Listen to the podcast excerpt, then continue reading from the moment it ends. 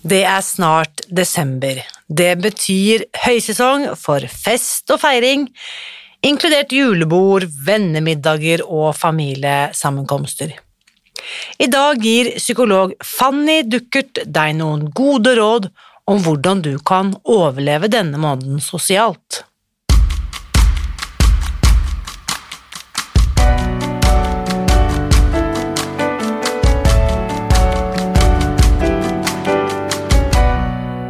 Mitt navn er Irina Lie.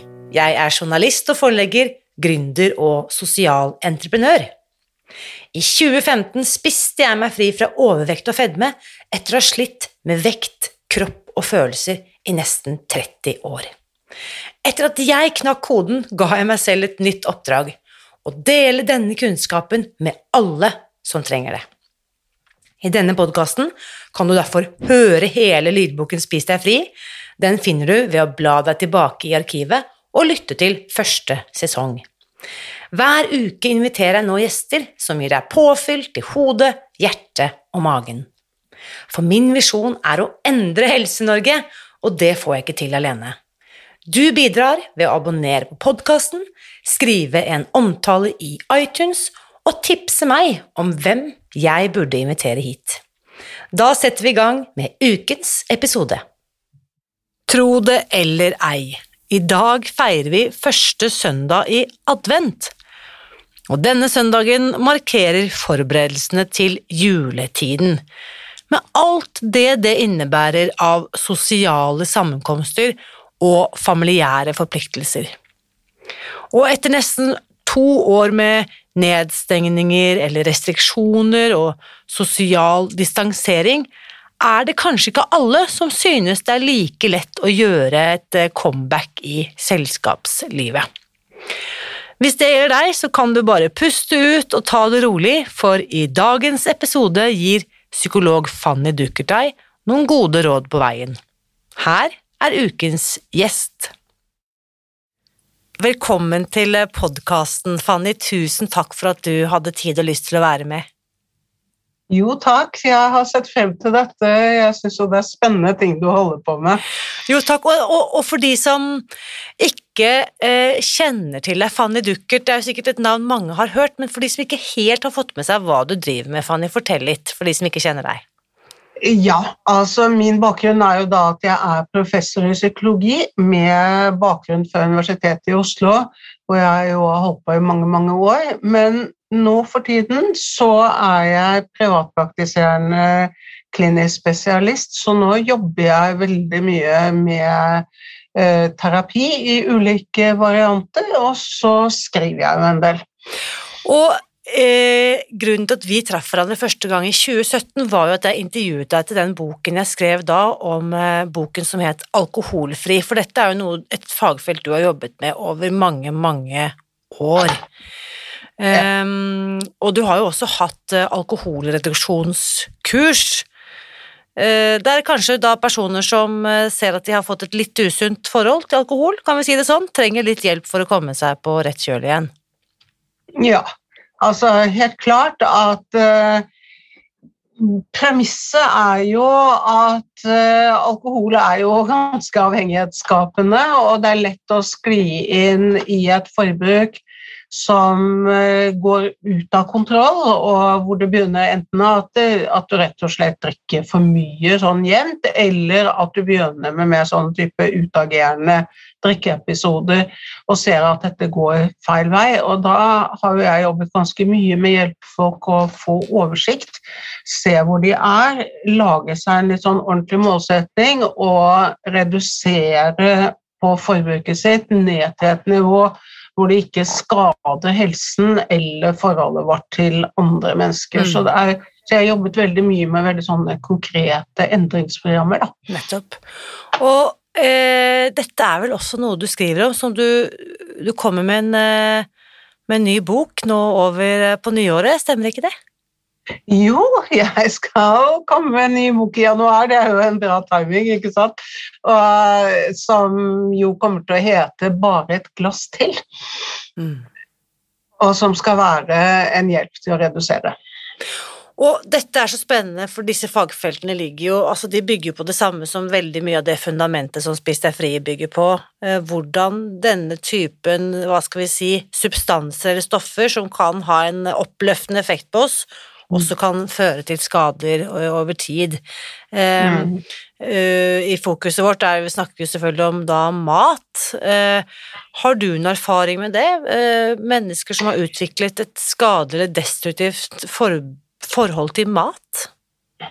Å ja, altså jeg er jo helt enig med deg. Det er jo ganske store likhetstrekk mellom eh, å få en spiseforstyrrelse, spise på destruktive måter og det å drikke for mye eller drikke på feil måte. Kjenner jo igjen mange av mekanismene. Og noen ganger er det litt sånn uh, overlappende eller glidende overganger også, hvor, vi f.eks. har sett en del som trøbler med mat, og som f.eks. lar være å spise for å kunne drikke for eksempel, uten å legge på seg. Eh, og, og, at man lager seg litt sånne underlige kontrollmetoder som egentlig er ganske destruktive, men får deg til å tro at du kanskje har mer styr på det enn du faktisk har. Mm. Og dette er kjempespennende uh, i lys av det som jeg inviterte deg, som jeg hadde veldig lyst til å snakke med deg om, som jeg, jeg hørte deg nemlig i en debatt på, på radioen, om hvordan vi nå skal i det NRK-programmet så var jo temaet hvordan vi skal komme tilbake til liksom det sosiale livet etter å ha vært nedstengt nå i snart to år, med sosial distansering og at vi skal holde oss hjemme og ikke mer enn to på besøk og sånn, og nå gjennom høsten så har vi jo hatt en åpning, nå vet vi jo ikke hva som skjer, vi får krysse fingrene at vi fortsatt får lov til å møte hverandre fremover, men så hadde jeg lyst til å snakke litt om dette eh, For du var inne på at nå har vi lagt oss til en vane om hvordan vi ikke skal omgås. Og så må liksom mm. vanene endres igjen. Dette syns jeg er kjempespennende, Fanny. Hvilke utfordringer er det vi møter på da, når vi nå igjen skal møtes, omgås og være sosiale sammen? Ja, altså her er det jo en serie med utfordringer, hvis vi skal liksom se litt nærmere etter. Altså, En utfordring er jo den der at vi har vært i en boble. Vi har vært litt sånn innestengt i vår egen verden. Eh, vi er ikke så vant lenger til masse mennesker. Det kan fort bli litt sånn overload og veldig mye og hvordan skal vi omgås? Vi er vant til nå våre eksklusive måltider hjemme på eget kjøkkenbord. Hva Skal vi begynne å invitere folk inn? Hvordan skal vi gjøre det? Skal vi da lage svære selskaper, eller skal vi gjøre det mer forsiktig? Hva kan jeg by på? Hvordan skal jeg håndtere disse menneskene rundt meg? Og hva med å gå ut? Altså begynne å gå på restaurant, gå ut og danse, gå ut og gjøre alle de sosiale tingene som vi jo på en måte har kanskje lengtet etter. Noen av oss har kanskje tenkt det var deilig og lettvint å slippe, så vi har jo litt sånn forskjellige både har vi litt forskjellige behov, forskjellige ting vi har lyst til, og forskjellige ting som vi syns er skummelt eller vanskelig å håndtere. Og alt denne sosiale smalltalken som nordmenn generelt ikke er så veldig komfortable med. Nå plutselig kommer det trøkket på oss igjen, da. Og hvis det er nå sånn at jeg bare tenker at jeg er egentlig glad for at jeg har fått slippe da, disse to årene som det snart blir, eh, mm. er det noe, er det noe Bør jeg bli bekymret eller urolig hvis jeg vegrer meg for å gjenoppta kontakt? Eh, nei, altså Det er ikke noe rart. Altså, er, sånn er vi jo ofte i dilemma. da. Skal jeg våge, skal jeg orke? Og det er skummelt, og kanskje det ikke blir noe fint, og kanskje jeg kommer dårlig ut av det. Altså At man liksom unngår utfordringene. altså Det er jo veldig menneskelig, og ikke egentlig så skrekkelig farlig. Så jeg ville vel på en måte tenke at kanskje jeg må rett og slett øve meg opp igjen. Ja. Og da starter der hvor listen ligger lavest. Hva har jeg mest lyst til å gjøre? Hva er det jeg syns er minst skummelt, f.eks.? Mm. Kan det være å gå på en kino bare sammen med noen, for da sitter man ved siden av hverandre og får en fellesopplevelse som man kan snakke om etterpå. Det er kanskje ikke så skummelt. Eller gå på teater, eller skal jeg Sånn at man bør liksom ikke kanskje kaste seg ut i de mest krevende eksersisene i starten, da. Nettopp. Kanskje vente med den der invitere hele vennekretsen, åpent hus, eh, diske opp med fingermat til alle, kanskje vente litt med akkurat den, kanskje? Mm. Ja, jeg tenker mm. det at liksom ikke overkill her. Da blir du bare superstresset i forkant og sliten og utblåst etterpå. Og så lurer jeg på en del av disse reglene som vi alle har skullet forholde oss til. Eh, det har vært lenge vært sånn at vi klemmer ikke, vi håndhilser ikke, det har vært albuer og ankeldans og mm. gudene vet, ikke sant. Fistbump har jo også vært utbredt. Hvordan eh, Er dette noe nå vi må avklare, eh, om vi nå skal igjen håndhilse slash klemme? Hvordan, hvordan, ser du på det, hvordan, hvordan opp, hva tenker du der? Ja, sannsynligvis, for det er jo blitt veldig sånn rot og kaos i måten vi hilser på hverandre på. Så jeg tar Altså, du kan spørre med ord. Se, hvordan syns du vi skal hilse? Hva er du komfortabel med? Og så er det jo liksom å øve oss på å lese kroppsspråket. Du ser jo fort litt sånn når du nærmer deg mm. noen, om vedkommende nærmer seg mot deg eller stivner til eller ser engstelig ut, så tenker du ok, her må jeg være litt forsiktig, det er ikke noe å gå inn for full frontal klemming her. Så, jeg tenker alltid på den scenen med Trond Giske og Jens Stoltenberg. Du vet, når den ene parten ikke hadde så lyst til å klemme, og den andre var veldig på. Ja. Mm. ja. Nei, så jeg tenker at det er noe med litt sånn å undersøke Et av favorittordene mine det er jo dette med respektfull nysgjerrighet. Altså, Det er lov å lure, det er lov å spørre, men man må gjøre det med litt sånn forsiktighet og respekt for den andres integritet. Mm. Og her kommer vi over i et tema som jeg vet er veldig eh, krevende for de som i forhold til Spis deg fri, legger om kostholdet, har gjort noen endring i vaner. Mm. Um, kanskje har de nå sluttet å spise sukker og mel, da, som i vårt tilfelle, eller gjort mm. andre Kanskje har de kuttet ut andre ting i løpet av det siste de så sine venner og kjære, ikke sant? Mm. Og det å reintrodusere meg selv til et sosialt fellesskap når jeg har valgt å gjøre noe annerledes. Enten det nå har det mm. vært å kutte ut alkohol eller kutte ut enkelte matvarer. Mm. Har du noen gulltips der, Fanny? Hvordan kan vi gjøre det? Hvordan kan vi ta med oss vår annerledeshet og være respektfulle overfor våre egne grenser, da, og samtidig mm. imøtekomme mm. de som serverer maten eller serverer drikken eller eh, disse tingene her? Mm. Ja, Her tenker jeg at du kan gjøre en god del, egentlig. Altså, Først er det kjempeviktig å huske på at andre ikke er tankelesere. Altså, Vi mennesker er ikke telepatiske, selv om vi kunne hatt stor lyst til å være det, og noen av oss tror faktisk vi er det. Så jeg tenker liksom første greie det er at du må lage et lite budskap som du kan bruke i forskjellige sosiale sammenheng. Og så er det den andre biten er å legge listen så lavt som mulig. Sånn at når, Nå tar vi først den når du går ut. At vertskapet ditt at du skal gjøre det enkelt for dem å ta vare på deg. Dvs. Si at du på en eller annen måte gir informasjon om hvor du er, og hva det betyr i praksis, og hva du trenger for å ha det bra med dem. For det å være vertskap er jo at vi ønsker at andre skal ha det hyggelig med oss, andre skal ha det fint. Så alle vil vi gjerne da gjøre de riktige tingene, men det er lett å bli da kjempeforvirret. Hva betyr dette i praksis, og, og hva må til? Og jeg tror jo også at det er kjempeviktig, eller letter situasjonen, hvis du har med dine egne ressurser. Altså Hvis det er sånn da at du, at du nesten ikke kan spise noe av den maten som folk festmaten, eller du ikke kan drikke alkohol, så hva, hvorfor ikke ta med litt selv? Yes. Og så enten gi det til verten og si at her er mine greier. Eh, dette er superenkelt å servere, og da blir det ikke noe kluss.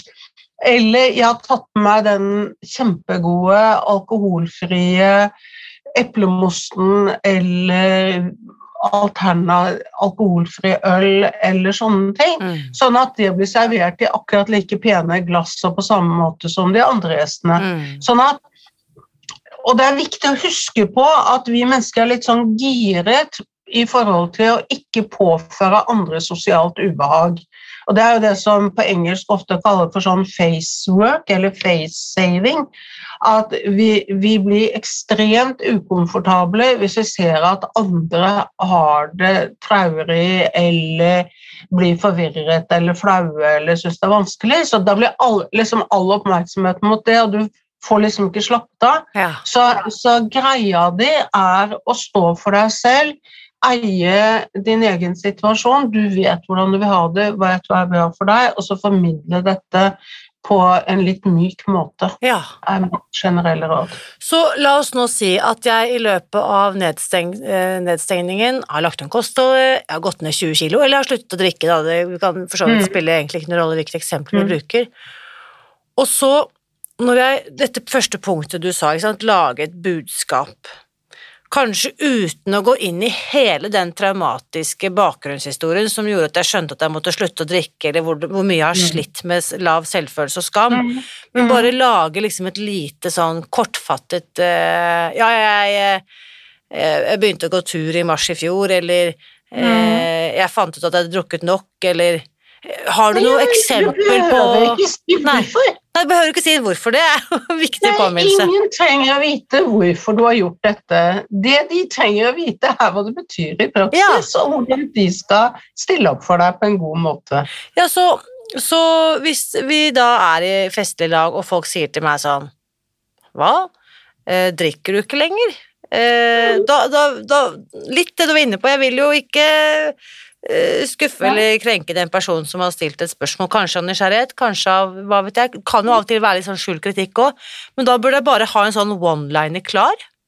Ja, og det er en utmerket teknikk som heter hakk i plata. Det vil si, det holder bare med den ene setningen, og du kan bare gjøre den, Ja. men du gjør det på en litt sånn hyggelig, myk måte. Ja, kan det eksempel være Ja, og nå føler jeg meg så bra. For eksempel. Kjennes som, for meg er dette så riktig. Ja, Så du mener at du drikker ikke i det hele tatt? Nei, for meg føles dette så riktig, jeg har det så bra. Og så kan vi bare gjenta dette. Ja, bare si det om igjen. Og da går den andre tom ganske fort. Hakk i plata, denne har jeg nå notert meg, eh, med utropstegn bak. Eh, og dette kan jo vi selvfølgelig også gjøre i forhold til mat. Det betyr at du ikke skal spise noe kake. Ja, og nå føler jeg meg så bra. Ja, ja, vet du hva, det gjør meg så godt. Ja, det gjør meg så godt. Ja. Jeg pleier ofte å slenge på litt humor, jeg, da. Så da sier jeg sånn Ja. eh, Og det betyr jo at det, du kan spise min porsjon. Ja, ja. ja man kan godt kle det inn i litt forskjellige format, men det viktige er at du selv er komfortabel med dette, at dette kjennes riktig ut for deg, og at du ikke står til regnskap for andre, Mm. og at du er litt sånn trygg i det valget du har tatt. Dette liker jeg å høre. Um, og vi ikke står til regnskap for andre. Det er faktisk mitt liv og mine valg, så jeg kan mm. ja, det, det privilegiet har jeg, at jeg kan ta de valgene som er bra for meg. Og, og kanskje tåle det å ikke bli forstått heller. Ja, altså det, det er helt ålreit. Mm. Altså At dette er annerledes enn det en annen gjør, Mm. eller at en annen ikke skjønner det. Og, det, og du kan godt da kommentere på Jeg ser du reagerer. Og det Jeg skjønner godt det. Men dette er sånn som det er for meg. Ja. ja, den er fin. Den er også rett og slett eh, poengtere det, ja. Og det andre tipset du sa, gjør det enkelt for vertskapet, det, dette liker jeg veldig godt. Og det jeg pleier å gjøre da i forhold til mat, og for så vidt Mhm. drikke òg, det er sånn Kanskje ta en telefon i forkant og si jeg gleder meg så vanvittig til den julelunsjen på lørdag. Du, jeg tar med en sånn derre jeg, har- jeg har fått en sånn dilla på gresskargreie, og du vet jeg spiser så Siden jeg ikke spiser pasta og sånn, er det bare greit at jeg bare tar med den gresskarssalaten til alle, og så kan jeg bare sette den på bordet, den òg? Så slipper du å tenke på liksom hva jeg skal ha og ikke skal ha? Og det er jo en helt nydelig tilnærming. Ja. Den applauderer jeg veldig. Ja. Nydelig. Og spesielt liker jeg nå på høst øh, og vinter og adventstid og jul og alt det vi skal inn i nå, så er det jo ofte sånn buffetaktige ting, der man forsyner seg fra et koldtbord, som jo er helt optimalt for oss som velger å ønske å velge litt annerledes. Ja, Mm. det er perfekt. Og nettopp det som, ikke sant, at du tar med ditt bidrag i, en, i et pent fat, som blir da et tilskudd, Mm. og ikke lager stress. At, eh, og, og jeg tenker også at det er viktig å understreke at dette gjelder meg. Alle de andre selvfølgelig skal fortsette å gjøre Mm. sånn som de ønsker. Dette er ikke noe jeg skal avkreve resten av forsamlingen på noe som helst sant? Hva tror du, Fanny, om veien videre nå, øh, hvis vi spoler frem, vi vet jo fortsatt ikke hvor lenge vi skal, vi skal jo leve med dette en god stund til, øh, disse, hva skal vi si, hensynene vi må ta da i forhold til smittevern og denne typen ting. Mm. Hva tror du om samfunnet fremover i forhold til dette med sosial omgang? Øh, hvordan vil det påvirke oss? Altså det, det er jo selvfølgelig Det spørs jo litt hvor omfattende. Nå tror jeg nok ikke at vi går inn for noen nye store nedstengninger, sånn at det blir vel litt mer den, det personlige ansvaret. Uh, og det jeg vel tenker at det kan fort føre til litt sånne ekstremer, eller at uh, folk samler seg i, litt sånn antagonistiske eller gruppe, og at vi fortsetter å få en del sånn type mistenkeliggjøring. Altså, det er jo to krefter å gå i her. Altså, den ene er jo den uansvarlighetskreften. At uh, man tråkker over andre og gir faen og eh, bryr seg ikke og respekterer ikke andre. Det er liksom den ene grøften. Den andre grøften er jo den derre overforsiktige. Altså at man både selv og krever at andre at de skal leve som om det var på det verste.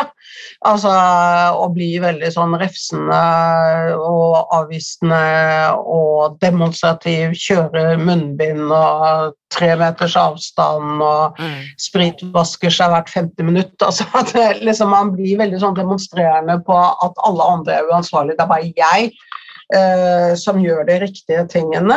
Og det er jo klart det også kan forsterke hvis man har litt sånn hypokondritendenser eller har noen sånne forestillinger om at rommet er At det bølger usynlig virus rundt alle steder, og, og verden er et veldig sånn farlig og skummelt sted å være.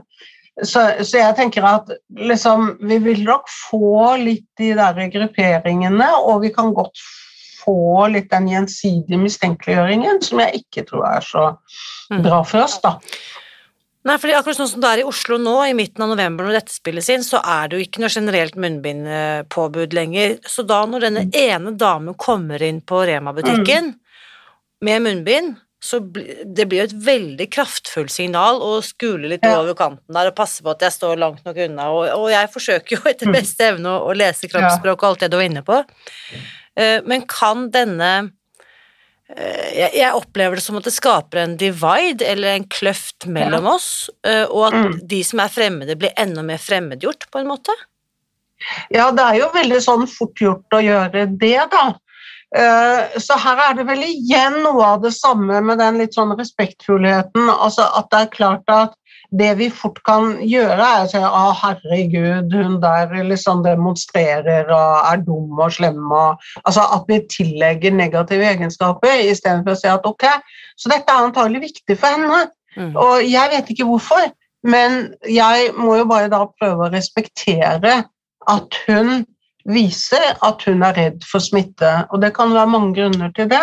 Så, så jeg skal ikke tråkke over henne. Da tar jeg liksom og gir litt respektfull avstand, samtidig som det er ikke sånn at hun får lov til å krasje meg, liksom. Mm. Hun må stå for sitt. Jeg skal skjerme så godt jeg kan, men jeg har også krav på min frihet her. Når vi ser litt sånn ringvirkningene, ikke sant, du, du var jo inne på det, at vi eh, i forhold til eh, Rett før vi startet opptak, så snakket vi litt om, om denne boken du kommer med på nyåret, eh, Et glass til, hvordan kanskje mange har nå gjennom de siste 18 månedene, to årene, sittet nedstengt. Det har kanskje blitt litt mye, og det ser vi jo. Sukkersalget har jo økt, og alt av godteri og hvetebakst og alt har jo gått til himmels. Mm. Kanskje gjelder dette også i forhold til mat, at vi har trøstet oss mer, vi har kjedet oss mer, vi har måttet kose oss mer på hjemmebane, det har vært kortere vei til kjøleskapet når vi har sittet på hjemmekontor. Mm. Ser du noen effekter sånn, går det an å se, jeg vet ikke om du har gjort noen undersøkelser, hvordan har disse årene påvirket oss på disse tingene som kanskje skader helsen vår?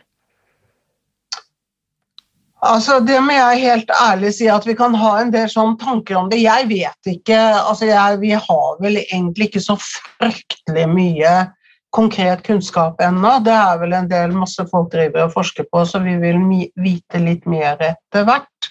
Altså, det er jo noen i forhold til psykisk helse som viser at ensomhetsfølelsen har øket, Depresjon har øket, spiseforstyrrelser ser ut til å ha øket, selvskading ser ut til å ha øket. Sånn at eh, det er jo all grunn til å tenke at de som har strevd, har fått det enda vanskeligere i løpet av denne perioden. Og det er klart at når vi har det vanskelig, er det vanskelig å gjøre de liksom, eh, rikt, såkalt riktige tingene. da som betyr forsakelse, at du skal ikke gjøre det lettvinte som er å fylle opp med sukker og fett og salt, som mm. har trøsteffekt, og ikke fylle opp eller slappe av med rødvinsglasset. Så, så, så jeg vil jo tenke at sannsynligvis har en del folk fått det verre og gjør mer selvdestruktive ting nå enn før. da. Hvis jeg nå hører dette og tenker at shit, banditt, nå eh, skjønner jeg jo at eh, hvis jeg sammenligner med høsten for to år siden, så nå går det én dunk med rødvin i uken, eller to, framfor før så kunne den stå en måned i kjøleskapet, liksom. Mm. Hvis jeg ser at jeg har fått et uheldig forbruk, da, for å kalle det det, mm hva tenker du er det viktigste at jeg kan gjøre da? Altså, da lurer jeg på om det er lurt å ha et lite sånn sjekk innom-prosjekt på seg selv. Um, og øh, det liksom Hvis jeg nå skal si særlig i forhold til dette med alkohol, men man kan gjøre det i forhold til mat òg, det er om du skal prøve å føre loggbok litt. Altså sånn sjekke litt etter hvor mye Hvor er jeg hen nå? Hvordan ser forbruket mitt egentlig ut? Eh, for, eh, for, mye av dette gjør vi sånn halvbevisst. Så jeg tenker det å bli det bevisst, gjøre litt sånn kartlegging på seg selv, og så liksom hvis man eh, ser at oi, jeg har ikke hatt en hvit dag på tre måneder, liksom, så, så kan man si at kanskje ok, så kanskje vi skal prøve å gjøre noen sånne små grep. og det er jo for eksempel, så sier vi jo at man bør alltid ha to hvite dager i uken, f.eks. Mm. Uh, og man kan også tenke er det liksom, Bør jeg gå uh, topp Altså sette en øvre grense for meg selv i forhold til hvor mye jeg er lovlig kvote, og hvor mye tenker jeg skal være lovlig kvote for meg i løpet av uken. Og så begynne å gjøre noen sånne grep hvor man tar, prøver å ta bort det som man er mest bekymret for. Så man sier at dette har jeg egentlig ikke noe glede av, dette blir for mye, f.eks. De siste to glassene før kvelden altså, som fucker opp søvnen min. Altså, jeg kan nok sovne, men søvnkvaliteten blir jo mye dårligere. Ofte så våkner jeg jo opp etter noen timer og føler meg veldig uvel og ukomfortabel. Og det er jo en sånn ruseffekt. Mm. Så liksom hvis jeg f.eks. sikrer meg at jeg ikke har så mye alkohol i blodet når jeg legger meg, så vil jeg jo sove bedre og bli mer opplagt neste morgen, f.eks. Og så er det liksom å begynne å tenke hva hvordan skal jeg fylle det tomrommet som jeg da før har fylt opp med mat og raus? Og da er det liksom sånn å tenke kanskje, Her kan man si kanskje jeg skulle gått på kino, kanskje jeg skulle gått en kveldstur, kanskje jeg skulle truffet noen gode venner, gjøre noe sosialt mm. hyggelig. Kanskje jeg skulle gått på den der yogaklassen mm. på treningssenteret.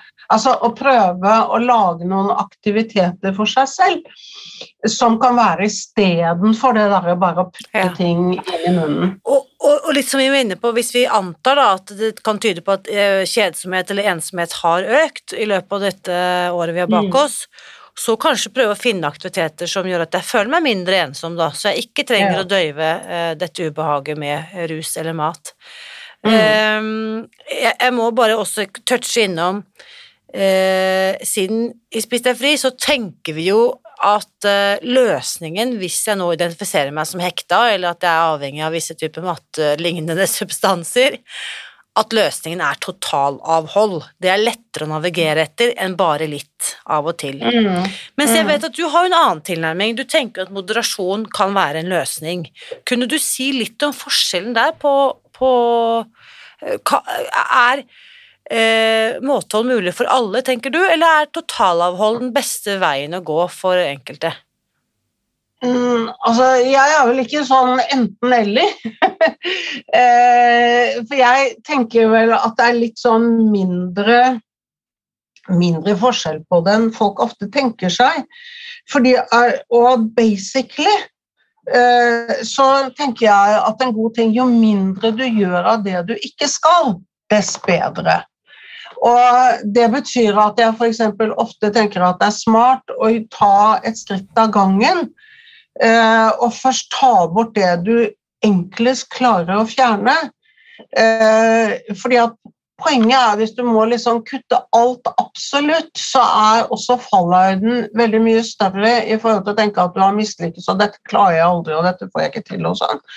Eh, så derfor så er jeg litt sånn mer tilhenger av å prøve ting og gradvis endre ting over tid. Og så får man se hva, hva som skjer. Eh, får du det til? Noe, og jeg bruker jo også ikke nå er jo, I forhold til alkohol, f.eks., så er jeg mye mer opptatt av periodevis avhold, situasjonsmessig avhold. Altså at du på en måte gjør eh, mange situasjoner hvor du før brukte alkohol. Nå gjør du dem alkoholfri, ikke fordi du skal kanskje nødvendigvis være totalavholdende, men fordi du begynner å starte med å gjenerobre en tilværelse med så lite alkohol som mulig. Dette er spennende, for det betyr at vi kan kombinere disse to tingene også, nå som vi skal debutere igjen, eller redebutere i det sosiale Mhm. selskapsliv. Kanskje ta med oss, prøve ut en ny rolle der, der vi ikke er liksom gode og brisende i det vi ankommer. Kanskje forsøke å komme på festen edru, eller som et annet eksempel, ta med denne salaten som vi kan dele med resten av eh, selskapet. Ja. Eh, benytte denne reintroduksjonen til det sosiale som også teste ut noen nye vaner. Ja, Veldig. Øve seg på Mm. nye vaner. Øve seg på nye vaner. vaner. Dette er Og jeg kjempespennende. tenker jo at vi, vi blir fort litt for sånn strenge med oss selv. Og så blir, altså at vi går liksom fra den at alt skal være perfekt, alt skal være riktig, nå skal jeg gjøre de dramatiske tingene. Og så glipper du og misser, og så går det inn andre ut av dette får jeg aldri til, dette må jeg bare gi opp, for det er helt urealistisk for meg. Mens jeg tenker at vi skal bruke jo tid på å bygge opp disse dårlige vanene, og vi må bruke litt tid på å bygge dem ned igjen. Det er litt sånn av min filosofi, da. Det liker jeg veldig, veldig godt. Eh, være litt raus i møte med meg selv også. Eh, Fanny Duckert, jeg eh, gleder meg til vi kan møtes igjen på ekte. Eh, Det kunne vi selvfølgelig ha gjort eh, nå også, men eh, når vi kan virkelig ta hverandre i hånden og gi hverandre en klem igjen, det blir fint. Enig. ok. Takk for yeah. god prat. Ok. Ha det, ha det. Nå lurer jeg på, hva tenker du om Fannys råd om å være respektfullt nysgjerrig, og det å legge en liten plan før din eh, neste fest? Samtalen etter dagens episode fortsetter i Facebook-gruppen Spis deg fri, så bli gjerne med der og del dine synspunkter. Denne uken har vi også markert Black Friday her hos oss i Spis deg fri, og jeg sier det hvert år, og jeg må gjenta det denne gangen også, at jeg har litt blandede følelser rundt dette enorme markedsføringsjippoet. Samtidig så tenker jeg at det er jo en god anledning til å gi trofaste følgere og lyttere av podkasten et skikkelig godt tilbud. Og det finner du ved å gå til spisdegfri.no skråstrek Black. For hvis det er sånn at du har fulgt Spis deg fri en stund i, i sosiale medier, eller hørt noen av de elleville suksesshistoriene som er blitt delt i denne podkasten gjennom de siste par årene, men så har du kanskje vært litt usikker på om dette kan være noe som passer for deg, så har vi altså laget et tilbud som du rett og slett ikke kan takke nei til, og det finner du ved å gå til spisdegfri.no Black Friday. Og her har jeg rett og slett samlet sammen de mest verdifulle ressursene vi har, som inkluderer et fysisk eksemplar av den offisielle kokeboken, som jeg sender hjem til deg i postkassen. I tillegg så får du tilgang på den digitale kokeboken for kvinner som skal ned i vekt, og den får du tilgang på med en gang. Pluss at du blir invitert til å være med i kursgruppen vår Fristed i en hel måned, hvor du altså kan delta på våre populære nettkurs og være med på de ukentlige livemøtene, der du kan få svar på dine spørsmål på direkten. Og hele denne pakken den har en samlet verdi på 1788 kroner, og akkurat nå, i forbindelse med Black Friday, så får du alt sammen for kun 495 kroner. Ja, du hørte helt riktig, akkurat nå betaler du kun 495 kroner. Det betyr at du altså sparer 1293 kroner. Og jeg kan med hånden på hjertet si at dette er det beste tilbudet vi har laget noen gang, og nei, det kommer ikke tilbake. Det er kun tilgjengelig denne helgen og ut morgendagen, det vil si frem til midnatt, eller klokken 23.59 mandag 29. november 2021. Så legg inn din bestilling med en eneste gang ved å gå til spisdegfri.no black friday. Og så neste uke, da skal vi gjøre et stort sprang.